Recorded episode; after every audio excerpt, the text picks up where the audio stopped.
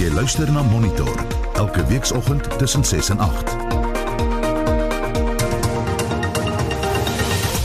Dis nou 5 oor 7 in die volgende uur van Monitor.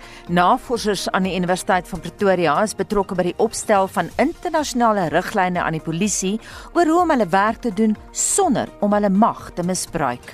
Maatskappye pas sanitasiemaatreëls toe, maar is nie duur skoonmaakprodukte en dienste egter nodig. Ons praat hieroor met 'n professor in medisyne by Wits Universiteit, Franswa Venter. En ISIS waarsku Suid-Afrika om uit te bly uit Cabo Delgado provinsie in Mosambiek, waar die groep 'n terreur veldtog voer. Goeiemôre, ek is Anita Visser. En ek is Gustaf Vreiding. Vorige uitsendings van Monitor is beskikbaar op Potgooi. Gaan net na rsg.co.za.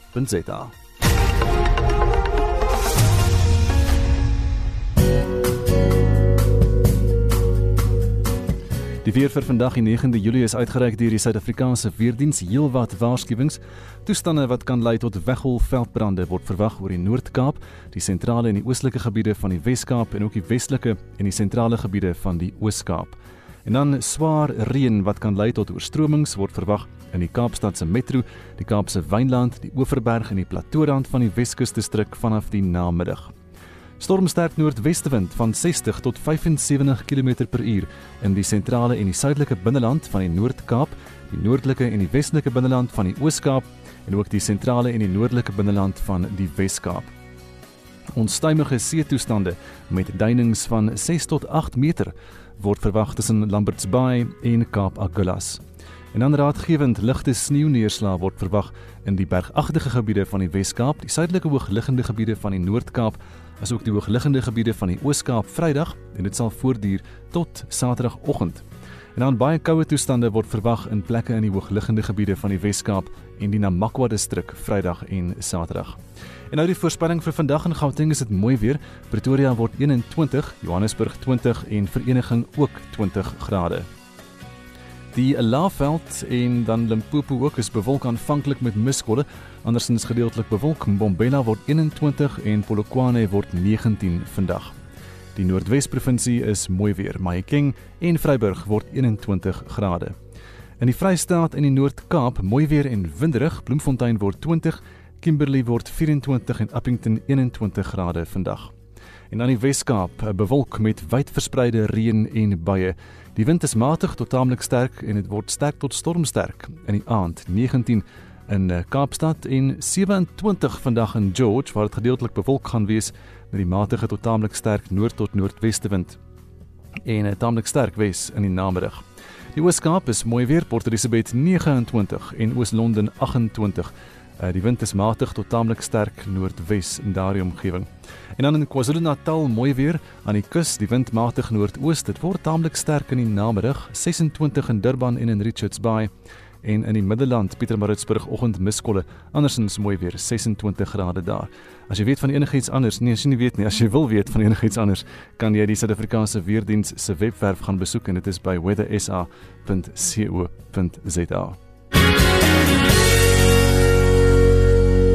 En nou die finansiële aanwysers op moneyweb.co.za is 'n goeie dag gewees op die aandelebeurs in Johannesburg gister. Die JSE se indeks van alle aandele sluit 1,14% hoër op 55871 punte, veral aangedryf deur die goudmynindeks 3,48% hoër. Die uh, finansiële indeks 1,86% hoër, hulpbronne 1,49% hoër en nywerheidsindeks 0,84% hoër. So die top 40 grootste maatskappye 1,25% hoër aan die einde van die dag se verhandeling. Kommoditeitspryse vir môre goud aan die styg nou op 1811 dollar en 12 sent per fyn ons, platinum op 884 dollar en 90 sent per fyn ons en Brent olie ook aan die styg, vat kos nou 43 dollar en 31 sent. Die wisselkoerse vir môre, die rand teen die Amerikaanse dollar is R16 en 93 sent. Teen die euro is dit R19 en 24 sent en 'n Britse pond kos vanoggend R21 en 39 sent. En dis die finansiële aanwysers op monitor.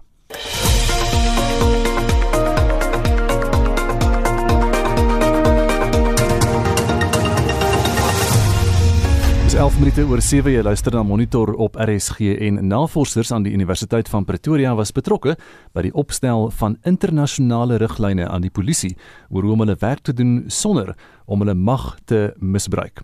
Die universiteit het sulke goeie insette gelewer dat die Verenigde Nasies se Hoogkommissaris vir Menseregte, die Chilean Michelle Bachelet, professor Christoph Heinz en sy span bedank het vir hulle harde werk. Heinz is direkteur van die Instituut vir Internasionale Reg en Menseregte aan die IP en is ook verbonde aan die VN se Menseregte kantoor in Genève. Ons praat dan vanoggend ook met hom. Baie geluk met julle goeie baie goeie werk, Christof. Dankie Rita, goeiemôre. Die opstel van die riglyne, Christof het nou 'n lang aanloop. Jy het al 3 jaar gelede begin om met kundiges wêreldwyd te praat oor riglyne vir die polisie. Wie en vanuit watter lande is betrek by die proses? Ehm um, ja, so ons het 'n groep van 53 mense gehad. Ehm um, so dit is mense wat polisie uh dis polisielede self was, ehm um, mense wat werk met ehm um, met die uh uh die tipe van toerusting, die vervaardigers ook van die toerusting, uh, internasionale regsmense, ook lede van die VN self se se kantoor ehm um, en en regsgeleerders. Ehm um, so 'n enige baie breë groep, uh, ook mediese mense Ehm um, en ja, ons het veel verskeie kere in Genève by mekaar gekom en natuurlik is dit hier so 'n uh, ontwerpdokument en dan ruim ons dit uit en so na na so 'n 3 jaar het ons dit uiteindelik die dokument klaar gemaak. So Christof, wat bepaal hierdie vier en die nuwe riglyne van die polisie nou? Ja, so so die die vier nuwe riglyne gehad van 1990 af wat gaan oor die gebruik van geweld deur die polisie en veral uh, wat vuurwapens aanbetref. Ehm um, maar hulle daar op daai stadium was daar nog baie min van wat ons nog vandag ken. Ehm um, as jy die minder dodelike wapens, die sogenaamde less lethal weapons. Maar vandag is daar nou 'n uh, baie van hulle wat ontwikkel het en so hierdie nuwe riglyne ja, wil jy dan probeer om daai gaping te vul um, om die nuwe tegnologie nou um, aan te spreek. So onder andere het, het mense nou vandag die gebruik van traangas en pepersproei en waterkanonne, elektriese geleide wapens, tasers byvoorbeeld daar's akoestiese wapens en so aan. En so wat hierdie riglyne nou doen is om te sê behalwe vir die riglyne wat nou in die 90 in Kuba aanvaar is, het ons nou in Genève het ons nou die nuwe riglyne aanvaar wat spesifiek nou gaan oor wapens wat wat minder dodelik is, met ander woorde minder dodelik is as vuurwapens. En en die die riglyne sê dan wanneer mag sulke wapens gebruik word, wanneer mag hulle nie gebruik word nie, as sekere wapens wat glad nie gebruik mag word nie. Ehm um, en so het probeer eintlik die hele veld eintlik 'n uh, 'n uh, uh, uh, leiding ingee. Watter wapens mag glad nie gebruik word nie? Ehm um, byvoorbeeld knippels wat spykers in dit spykers het. Ehm um, daar daar's geen rede kom nie dit kan dit kan gebruik nie of lasers um, wat permanente blindheid kan veroorsaak. Jy mag eh, ehm uh, um, lasers gebruik ehm um, in polisieering. Dit is anders as nou in oorlog ehm um, wat wat uh, wat nie blindheid veroorsaak nie.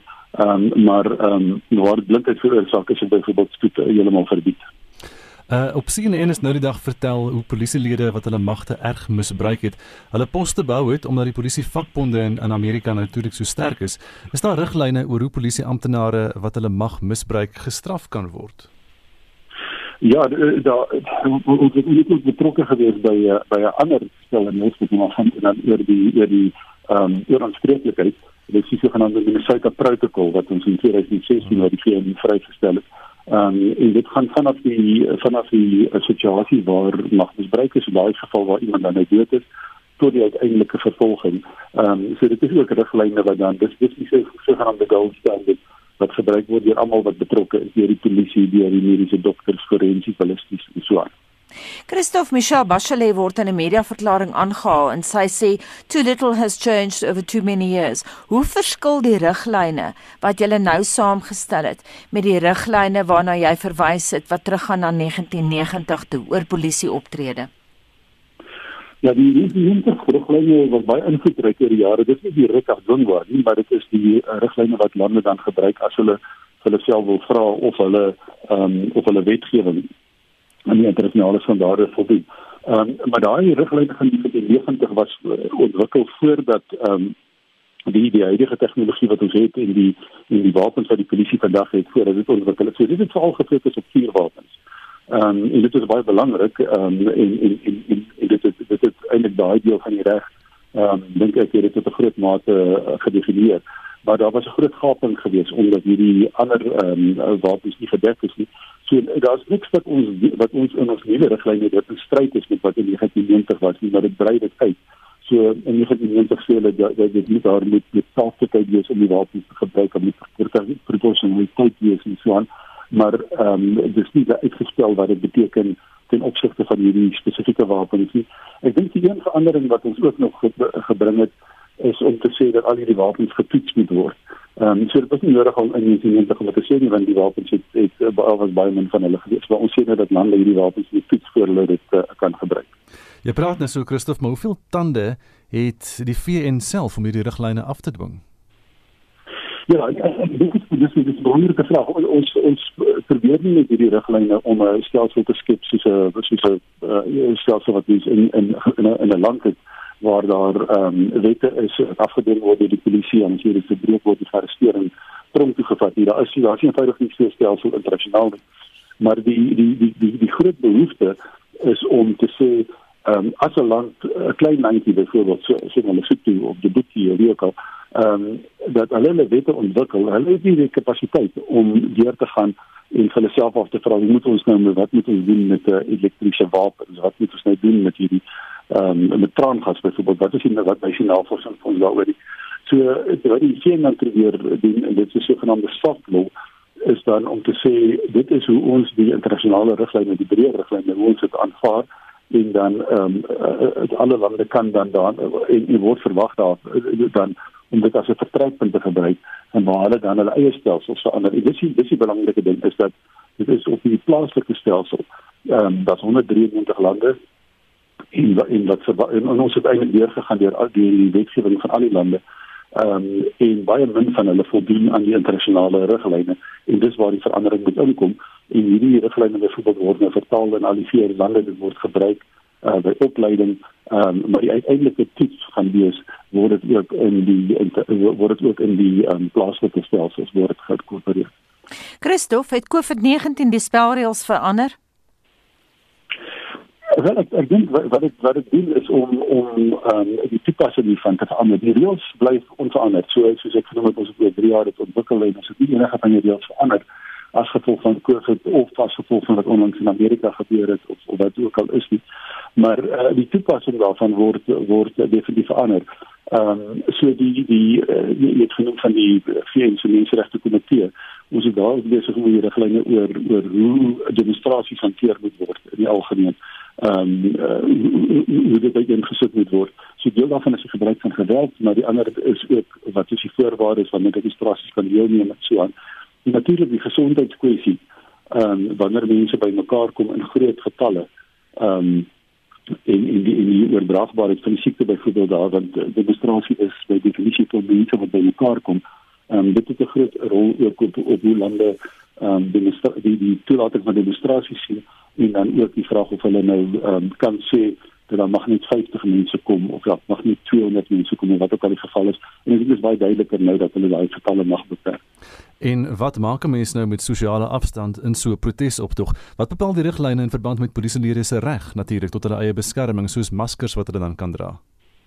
Ja, groot deel van die riglyne gaan oor uh, protective equipment, ehm um, veral nou in die, die konteks van die gebruik van fisiese geweld. Dis interessant ons het uh, ons het uh, van Noord-Ierland het ons 'n polisie van gehad wat ons gesê het ehm um, dat dit vir hulle reuse verskil gemaak toe hulle ehm um, polisie mag ehm um, uh, uh, uh, verskaf is van uh, skuld wat jy jy, jy liggaam beskerm ehm um, en ook wat maak dat jy dat jy oorpak het wat wat vuur vas is. En as iemand met 'n molotov cocktail cocktail na jou toe kom, ehm um, as jy dit nie het nie, dan skiet jy baie vinnig. Maar as jy daai beskerming het, dan jy nie so bang nie en dan kan jy die persoon nader dat kom en jouself is nie bedreig nie. Ehm um, so 'n groot deel van die riglyne gaan oor beskermende ehm um, toerusting gegee moet word vir polisie en nou self daarmee daarmee saamgaan dat dat polisie ook teen hierdie langer termyn ehm um, gevare beskerm word. Ehm um, ons het nie spesifiek die riglyne daaroor oor wat in ons uh, in, in in ons ehm um, riglyne nie, maar die uh, die die verwagting is dat die, die polisie reg op lewe net soos enigiemand anders en dat hulle ook beskermende klere moet kry om hulle werk te kan doen. Christof net laastens, watter state is totaal buite julle jurisdiksie? Wat van byvoorbeeld 'n land soos Noord-Korea? Ja, baie mense weet natuurlik wat wat op die grond in, in Noord-Korea aangaan um, en uh, dan is daar ook in, in Latyn-Amerika so lande wat eintlik uh, Venezuela en so aan en in Afrika wat wat wat baie moeilik is vir internasionale ehm um, uh, wêreld eintlik om om 'n groot invloed te hê. Ehm um, my my eie ondervinding ehm um, ek het gesien rapporteer op buite geregtelike regstellings vir die vir 6 jaar. En my eie ondervinding het eintlik maar gekom van lande soos Turkye ehm um, waar hulle in die park in 2013 demonstrasies gehad het wat skeef geloop het en baie mense dood het. Oekraïne dieselfde in 2014 met Maidan, Suid-Afrika natuurlik, Marikana, daar is 'n 12 vir die Indiese Arabiese lente. Ehm um, waar daar waar daar 'n groot aantal mense dood is ook in die konteks van demonstrasies. Dit gebeur eintlik maar in, in alle lande. Um, maar daar is baie lande waar ons baie min van weet en waar ons soos Noord-Korea en waar daar eintlik min invloed van internasionale instellings op enige gebied eintlik is.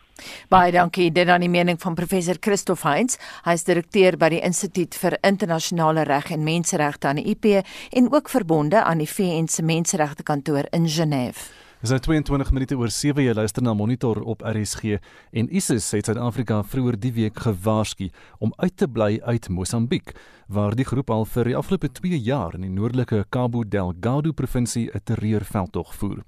Die Instituut vir Sekuriteitsstudies se projekleier in Suider-Afrika, Liesel Lou Vaudra, het gister aan Anita die agtergrond van die dreigement geskets. Anita, jy weet hierdie terreurgroepe, dit is maar hoe hulle funksioneer reg oor die wêreld met dreigemente.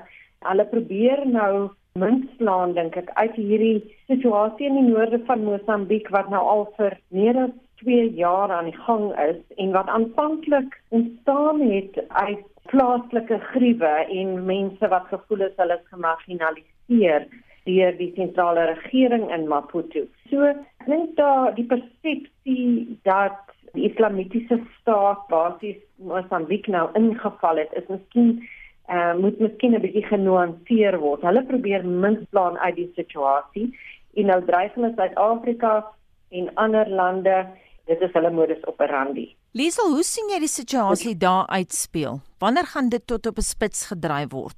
Want ons weet daar is ander lande militêr alreeds betrokke in Mosambiek juis om die regering te help teen hierdie insurgensie. Ja, daar's geen amptelike internasionale hulp in hierdie stadium nie. In my maand was daar 'n vergadering van die SADC leiers in Harare om te besluit of SADC as 'n blok of individuele SADC lande Mosambiek moet help. In hierdie stadium is daar privaat sekuriteitsmaatskappy, die Duits Consultancy wat meestal bestaan uit ook Suid-Afrikaners. Dit word gelei deur 'n Zimbabweëse kolonel Dyke wat baie bekend is in die Suid-Afrika streek. Dan was daar verlede jaar hulp van die Russe, militêre hulp ook aan Mosambiek, maar dit het nie, uh, jy weet die die Russe het nie daarin geslaag om regtig veel hulp aan te bied aan Mosambiek nie. So in hierdie stadium is daar 'n redelike onheilspellende stilte van SADC. Daar was nog geen duidelike plan op die tafel van wat SADC lande beplan om Mosambiek te help nie. Daar is baie verklaringe deur uh, Europese lede Europese Unie is dat daar nou onlangs weer 'n Europese parlementslid wat gesê die EU moet vir Mosambiek kom help. Portugal het ook hulp aangebied omdat ons weet daar is baie internasionale belange in noorde van Mosambiek met hierdie groot gasaanlegte. So in hierdie stadium om jou vraag te beantwoord is daar geen amptelike betrokkenheid nie. Liesel is ISIS nog slegs beperk tot die noorde van Mosambiek. Ja, absoluut. In die Cabo Delgado provinsie en in hierdie stadium het ons geen aanduiding van enige aanvalle verder af. Dit dit word ook redelik beperk tot die oostelike kusgedeelte van Cabo Delgado provinsie en nie so erg in die binneland nie. 'n Mens moet sê dat die aantal aanvalle baie vererger het in hierdie laaste paar maande. Dit is 'n baie ernstige bedreiging vir vrede en veiligheid in Mosambiek en in die streek. Een van my kollegas het nou 'n artikel geskryf oor die Mosambiek kanaal en die feit dat dit ook 'n bedreiging inhou vir wat hulle noem maritieme sekuriteit. So dit is absoluut dringend dat SADC 'n plan op die tafel moet kry rondom hierdie situasie want die dreigemente van ISIS kan nie verhoed dat Suid-Afrika geïmpliseer word nie dis ons buurland mm. en of ons nou troepe op die grond het of nie Die situasie is alreeds daar. Dit geleer uit ander lande in Wes-Afrika en die Sahel en in Somalië dat hoe lande reageer en optree veral in die beginstadium van so 'n insurgensie is absoluut van kardinale belang. In Nigerië met Boko Haram was dit baie duidelik geweest dat aanvanklik die Nigeriese regering so hardhandig opgetree die manier waarop hulle plaaslike mense in tronk gestop het en gemartel het en so het 'n absolute 'n draaipunt veroorsaak in daai krisis omdat gewone mense het toe hulle geskaar amper by Boko Haram wat ook amper etnies linguisties daar in Maiduguri in die Borno staat in die noordoos van Nigerië ontstaan het. En selfs met Al-Shabaab in Somalië was dit dieselfde. Ons van my kollegas van die ISS het navorsing gedoen met van hierdie jihadis soos hulle hulle self noem die vegters van Al-Shabaab en hulle is die waarvan in die tronke byvoorbeeld. So 'n uh, ehm, benons gekry in die manier waarop hulle behandel is deur die regering dat hulle toegedraai het teen die staat basies. Hmm. So wat aanvanklik gebeur is absoluut noodsaaklik. Mense het ook baie simpatie hê met Mosambiek wat nie 'n sterk staat is nie.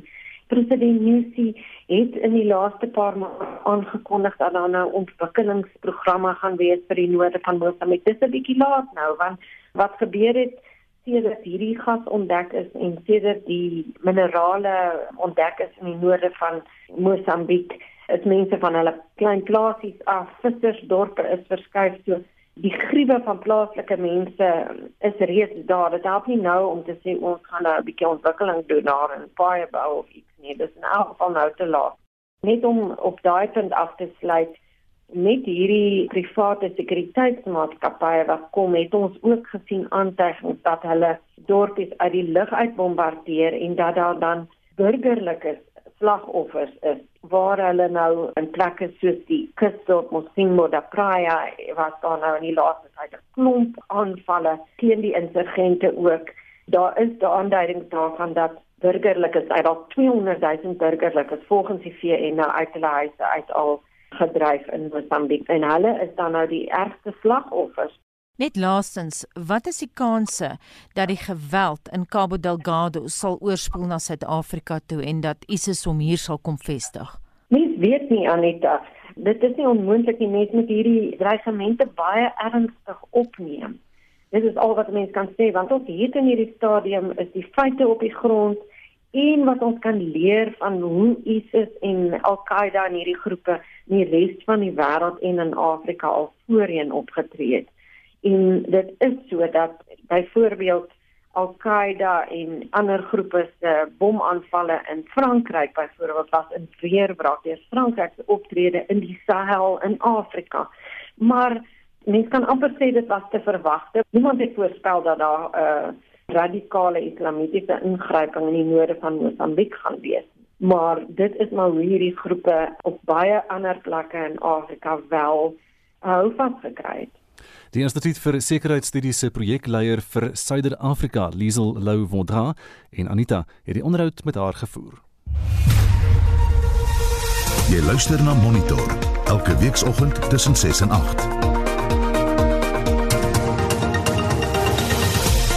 In die nuus, die Weskaap staan om teen stormweer wat die kusgebied vanmiddag sal bereik. Navorsers aan die Universiteit van Pretoria is betrokke by die opstel van internasionale riglyne aan die polisie. Regslui in Turkye betoog teen voorgestelde nuwe wetgewing wat die land se Bali-rade sal herstruktureer op 'n manier wat hulle magte erg sal knou. They were not consulted about it and 78 out of 80 provincial bar associations have strongly opposed it in a published statement. En 'n CP-akteur en nog vier ander verskyn vandag in Polokwane in die hof oor smokkel sigarette. Bly ingeskakel. Daar is geen verkeer. En ons kyk in hierdie stadium, daar is die situasie by die Huguenot tunnel in die Wes-Kaap, die N1 inwaarts en uitwaarts by die Huguenot tunnel uh, vir swaar vragmotors Da, hulle kan nou wel weer ry want die krag is weer aan daar by die Genote Tunnel. Daar was 'n kwessie gewees met die wind en die Eskom krag. Dan in Gauteng en Alberton, daar is sware vertragings op die R59 noordwaarts tussen die Swart Koppies afrit en die Redding wisselaar. So swaar verkeer in Alberton van Alberton se kant af op die R59 stad toe vanmôre. As jy weet van enigiets anders, kan jy vir ons 'n SMS stuur na 45889 en dit kos R1.50.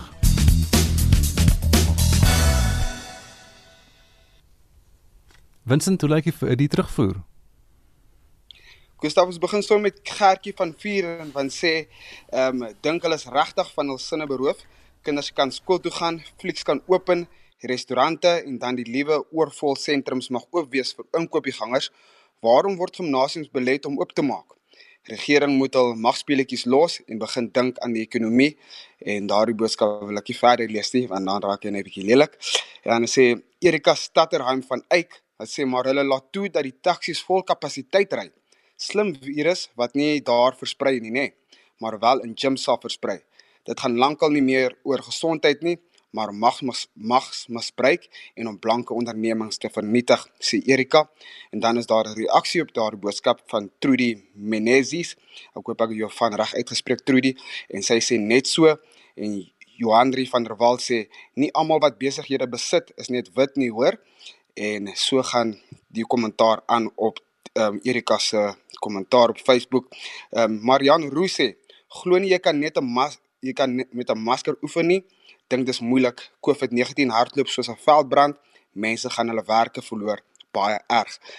Johan Drie van der Walt sê, ek stem saam. Ja, mense verloor inkomste, maar al daai sweet en goed werk nie saam nie. Ook nie om met 'n masker te, te oefen nie. Glad nie goed vir jou nie.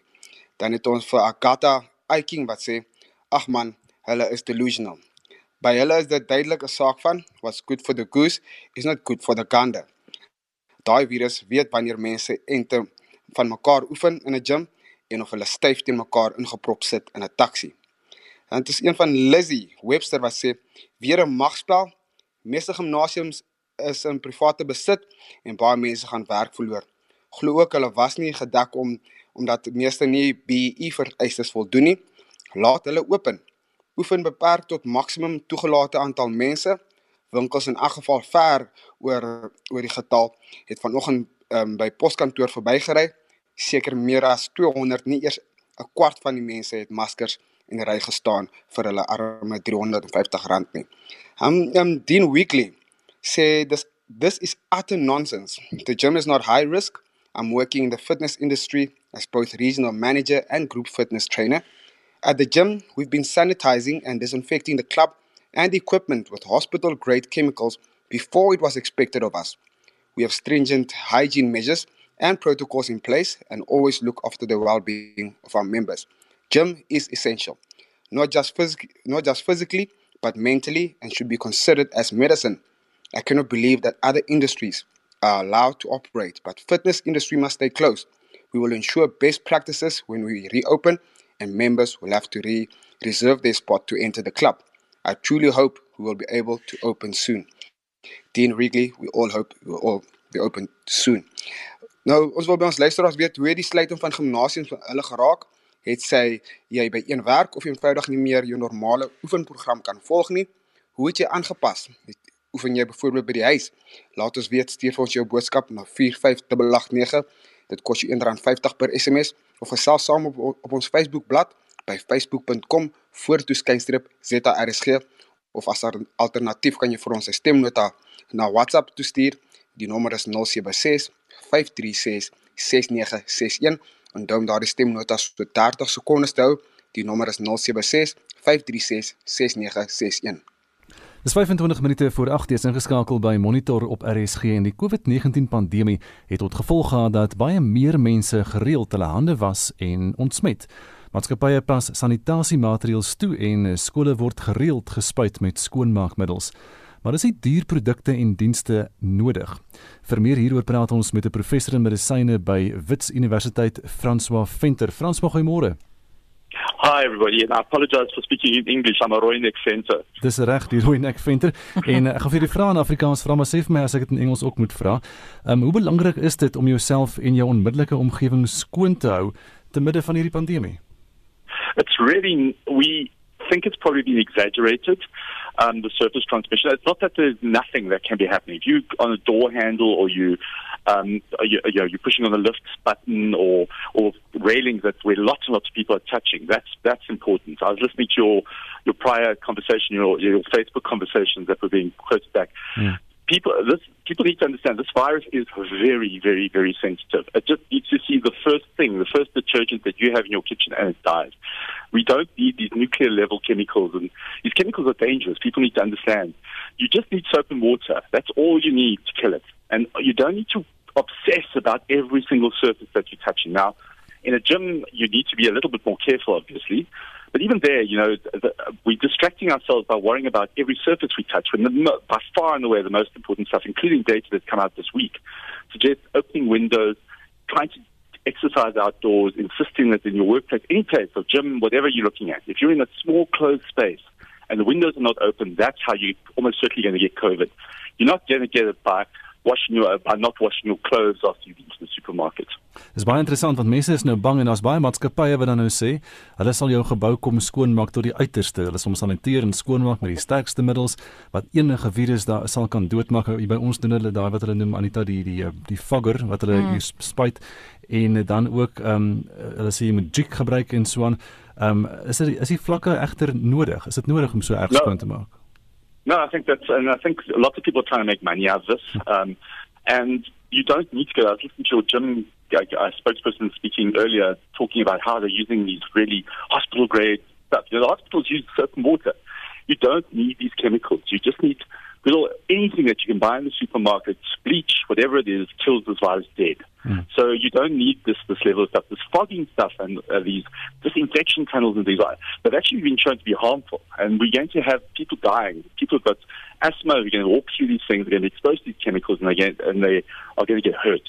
So no one should be talking about fogging. And this deep cleaning nonsense that people are talking about is all you need is you know good soap and water, and you need to wipe down all the surfaces, let them have a little bit of time to dry, um, and you'll you'll and open all the windows.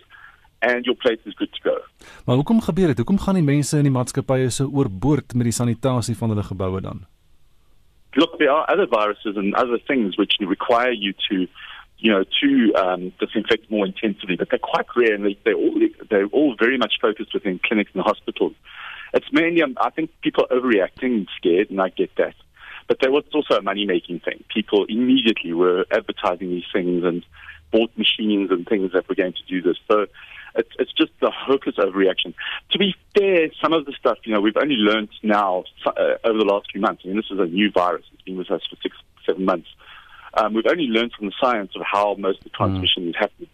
And I think your listeners just need to understand you're, you're almost certainly not going to contract it from touching a surface. You're going to contract it by sitting in a closed room um, with somebody who's got the virus, that doesn't know that they've got the virus or who's just a little bit sniffy.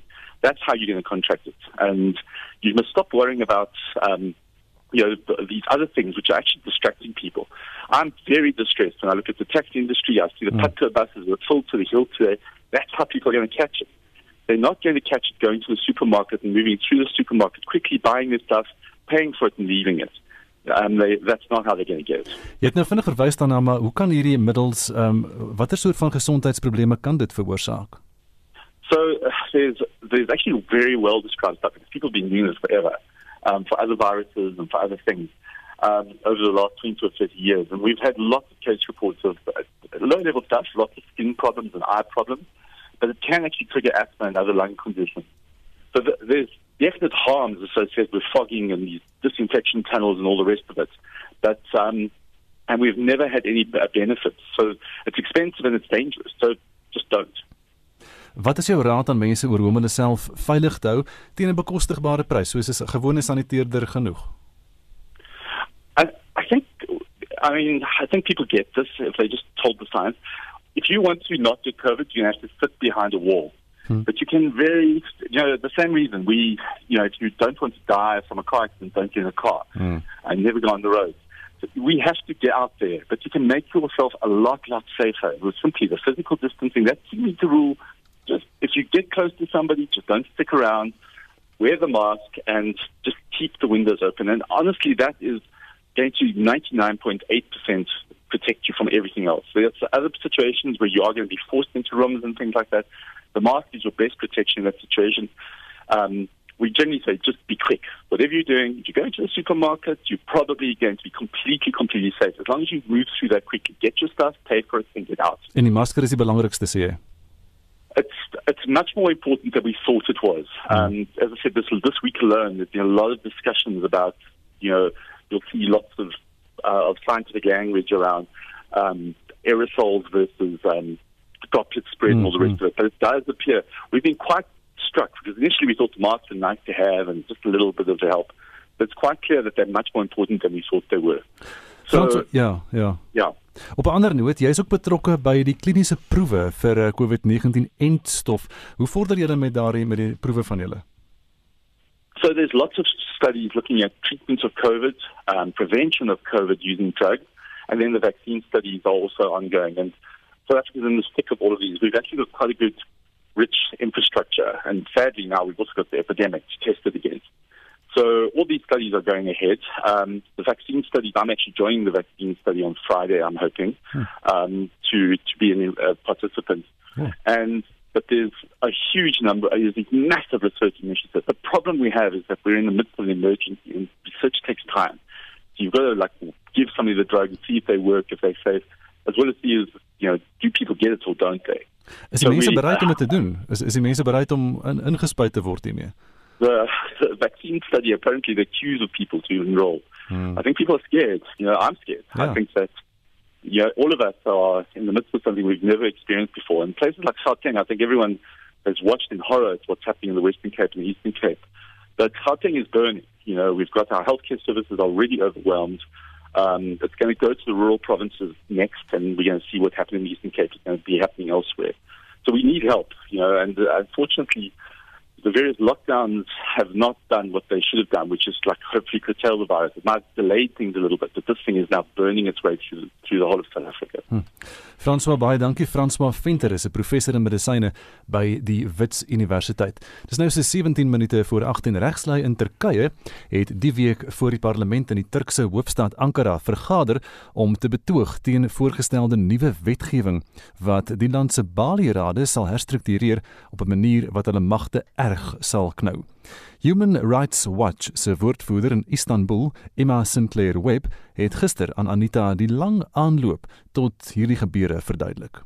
basically over the last year, Turkey's bar association, leading bar associations in cities like Ankara, Istanbul, Izmir, have been very critical of the Turkish government's human rights record and of the declining rule of law framework in Turkey. For that reason, they've become a thorn in the flesh of the government.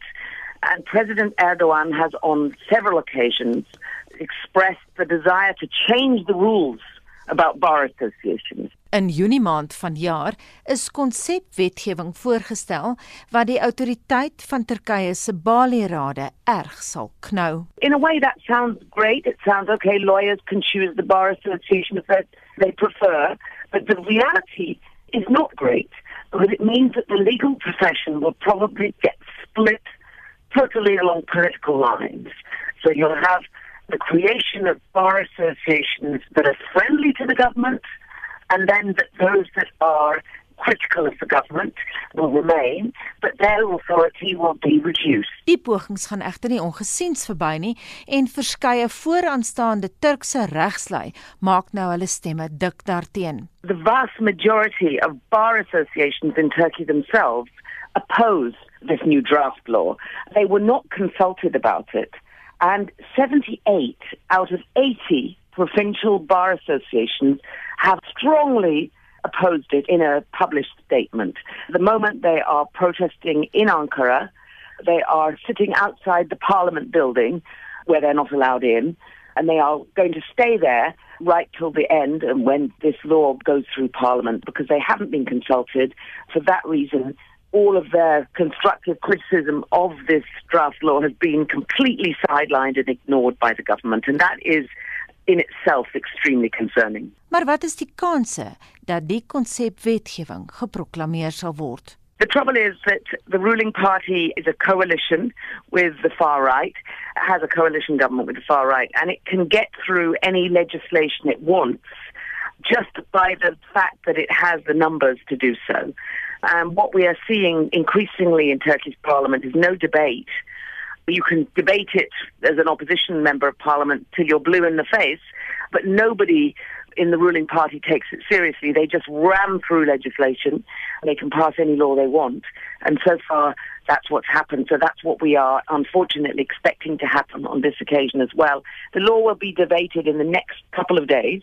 Timing is not quite clear, but we are pretty certain it will be rammed through Parliament in the face of all this opposition. Op die lang termyn sal die wetgewing Turkye se vuisfoos sukkelende demokrasie verder fnuik.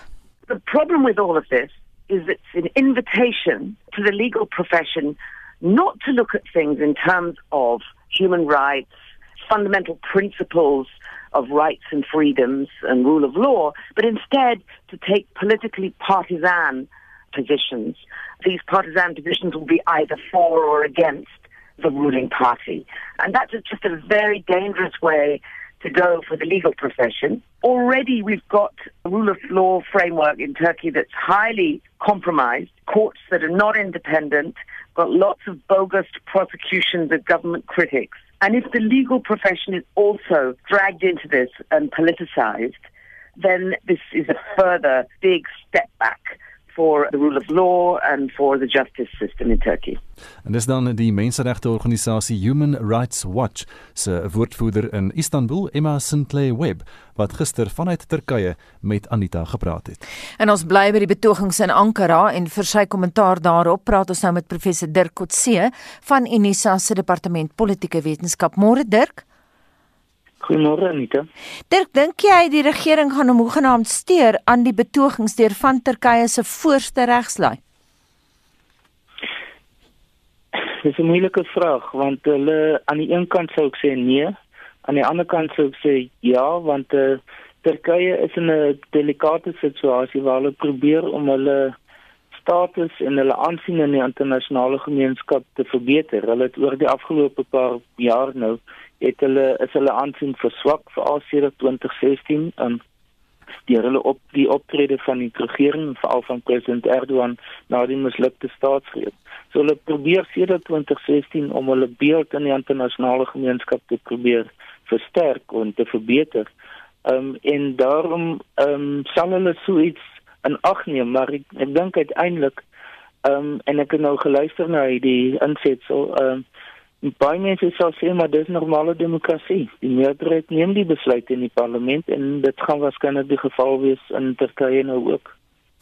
Maar uh, HRW se woordvoerder, soos jy nou self na geluister het, Emerson Claire Webb, glo dat die konsepwetgewing sal deur die parlement gevoer word, dit sal beslis wet word. Dit klink asof sy die indruk skep daar's 'n geboelery, asof daar eenvoudige stoomroller word. Stem jy saam met daardie indruk van haar? Ja, maar ek weet nog so lank genoeg al in die Turkye is was nie, né? Dit is 'n ou Turkse manier van doen. En die Turkse instellings is is die veral die van die parlement, dit is die van dat een van die van die Bali trade van die regspraak en die regsproses en die regs uh, sektor in die algemeen van die advokate prokureurs is is dat hulle is hoogs as establishment figure Ehm um, en hulle in baie gevalle is hulle aan die kant van van die die leidende partye van die regering. Um, ek dink die beste woord om hulle te beskryf is establishment. Um, wat ons in die afgelope tye wel gesien het, is is dat lede van die uh van die regsgemeenskap hulle self baie begin uitspreek hmm. teen die probleme rondom me menseregte. Um, dit was nog altyd die geval in die probleme wat in die suidooste van Turkye ervaar is vanaf die noodtoestand van die middel van die middel 1990s tot tot in die vroeë 2000s uh, veral was dit by die Koerde kom. So daardie tipe van die die uh, uh, gevolgtrekkings wat deur die Europese howe gemaak is oor die menseregte rekord in Turkye. Dan het die regslei 'n 'n belangrike rol gespeel.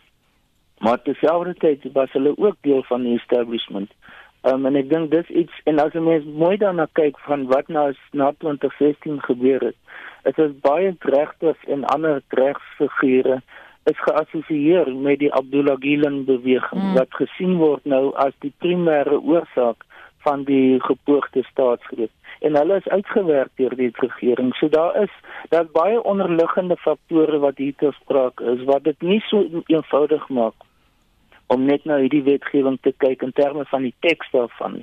Want die teks sê eintlik dat dit daar moet meer diversiteit wees. Hmm. Daar moet 'n groot omgewing is om in stede soos die drie groot stede Istanbul, Ankara en Izmir dat waar daar meer as 5000 regslei is, is hulle veronderstel om in om meer uh, Bali rade te kan skep. Nou die meeste mense sal sê daar's niks meer verkeerd nie. Dit is baie regverdig om kompetisie te kan hê. So dit is hoekom mense na hierdie ding uit verskillende oogpunte moet kyk. Maar mense moet wel luister na wat Emerson Claire Webb uh, sê. Sy gee dit alles toe, maar dan sê Human Rights Watch die probleem is dis 'n geval van divide and rule dat jy eintlik op die ou einde gaan die Turkse regering die Bali Rade se magte baie baie ehm um, verswak. Nee, dit is nie noodwendig die geval nie, want dit is dit gaan nog steeds oor wat is die individuele lede se keuse wat nou moontlik is. En dit is wat sy reg is, is dat daar waarskynlik 'n Bali Rade gaan wees wat pro Erdogan of pro die regerende party sal wees en die wat steeds krities van aard is. Maar die huidige situasie is is dat die oppositie nie 'n geleentheid het om Bali Rade te kan vorm. Nou die die teenargument sou wees is dit is ondemokraties. Nee? So die ek dink die die die punt wat wat hier te sprake is is dat die Bali Raad die die die linkerkant in dit binne die Bali Raad probeer hulle magsposisie beskerm. Maar dit is nie noodwendig dat hulle toegee dat die wat van hulle mening verskil dat hulle nie die reg het om hulle eie organisasies te kan skep nie. En ek dink dit is waar die byvoorbeeld die menseregte groeperings wat krities is teenoor die regering wil nie hê dat daar seker hierdie tipe van organisasies tot stand mag kom nie. Hmm. So dit dink ek is die politieke ondertone wat hier te sprake gaan wees. Wat van ander professionele groepe is hulle krities oor die Turkse regering? Mag hulle hoegenaamd wees? Wel die ek, ek dink die wat ons die afgelope tyd begin sien het is die die optrede van die regering was so drakonies geweest. Um, en het soveel probeer om die verskillende Abdullah Gülen moontlike ondersteuners uit te reik. Is amper soos die mekasie is in, in Amerika in die 1950s um, dat die meeste mense nie in die openbare wil uitspreek teen die regering nie want dit is baie maklik vir mense om aangekla te word in terme van artikel 301 van hulle strafwet um, dat hulle anti of dat hulle onturks optree So dis hoekom openbare kritiek in die algemeen in Turkye op die oomblik onderdruk is en mense dis probeer om of niks te sê nie um, of om bloot uh, onder die radar te beweeg. En ek dink dis die grootste die probleem van die huidige Turkse situasie is is dat hierdie uh, mag wat die regering het um, in die vorm van verskillende wetgewing of strafmaatreëls dat dit enige vorm van openbare uh, debat op die oomblik in Turkye onderdruk. Dirk as politieke wetenskaplike, hoe sou jy Turkye se politieke stelsel beskryf? Nou dit is waarskynlik kan mense dit noem as 'n kompeterende autokrasie. Uh dit beteken dat daar 'n uh, verkiesings plaasvind en dit lyk op die oog af asof dit kompeterend van aard is. Um, maar die die spelreëls in die verkiesing is van so 'n aard dat dit voordeel gee aan die regerende party. Terselfdertyd moet ek dit kwalifiseer. En as jy mens kyk na die afgelope plaaslike verkiesing, het en dit is baie dieselfde as wat hier in Suid-Afrika besig om te gebeur. Het die groot metros het het wegbeweeg van die Erdogan uh, beweging of van die Erdogan ondersteuningsbasis. Hulle is nou deel van die oppositie. En ek dink dis een van die aspekte wat ook met hierdie huidige wetgewing te sprake is dit is dis dieselfde tyd is dit Ankara en Istanbul en Izmir wat nou uh, die metros wat nou onder beheer van die oppositie is waar dit ook, ook is waar die Bali Rade die meeste geraak gaan word. So dit waar die politieke dimensie inkom. En ek dink maar terselfdertyd wat ons sien is dat daar is 'n onderliggende demokrasie uh, wat by baie mense wat dit nog wel lewendig hou maar terselfdertyd is die onderdrukkende element van die regering maak dit baie moeilik um, sodat die gewone bevolking daaraan kan deelneem. Baie dankie dit aan die mening van professor Dirk Kotse van Unisa se departement politieke wetenskap. Dis nou 4 minute voor 8 en Sandparke sê parke reg oor die land is steeds net vir dagbesoekers oop. Niemand kan nog oorslaap in enige van die oornagfasiliteite nie. Die woordvoerder van Sandparke, Ike Pasla, sê toeriste sal sodra die reëlings volgens die staat van inperking verander, ingelig word. South African National Parks can indeed confirm that uh, it has not opened for overnight stays in all of its parks. The reason being that level 3 lockdown regulations currently don't allow for leisure and interprovincial travel and also overnight accommodation. However, they self drives are still open and we urge our customers to book online and also to observe the social distancing, hygiene, and if possible, if they can live with all the refuse that they bring into the park. Pasla sê hierdie maatreëls sal help om die verspreiding van COVID-19 te verminder. We do know that it's been quite a while for them to come in and spend the night in the tranquility of the parks. However, it's imperative that we observe the level 3 lockdown regulations and be patient because this is about people's lives. En dit was dan die woordvoerder van Sandparke Ike Pasla. Vincent. Anita, kom ons hoor gou wat het ons luisteraars te sê. Hulle het reaksie gegee deur hulle stemnotas. Dit is Andre hierso. Ehm um, so jy mag 20 in 'n taxi klim, maar jy mag nie gym toe gaan waar higiëniese standaarde toegepas kan word nie. So dis weer eens belaglik. Ek sê gyms mag oopmaak. Daar's duisende mense wat in gyms werk en afhanklik is van daai geld.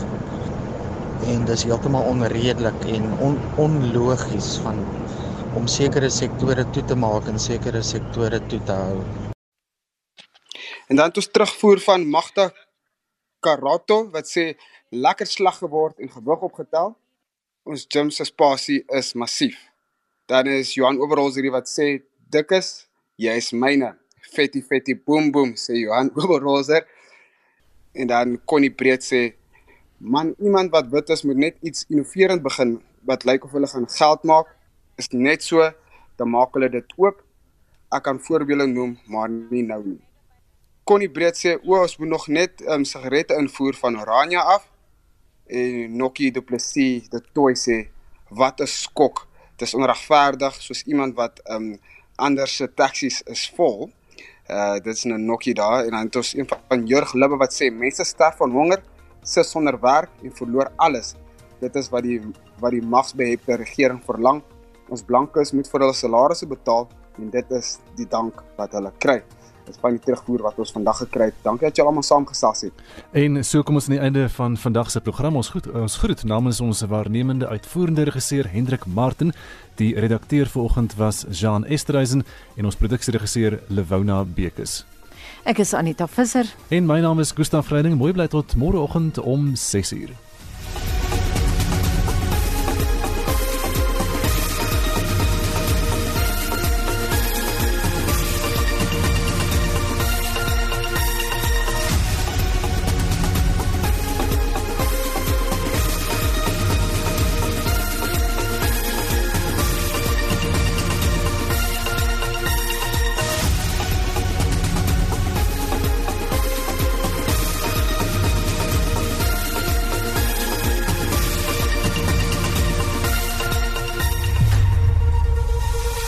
SAK nuus. Onafhanklik, onpartydig.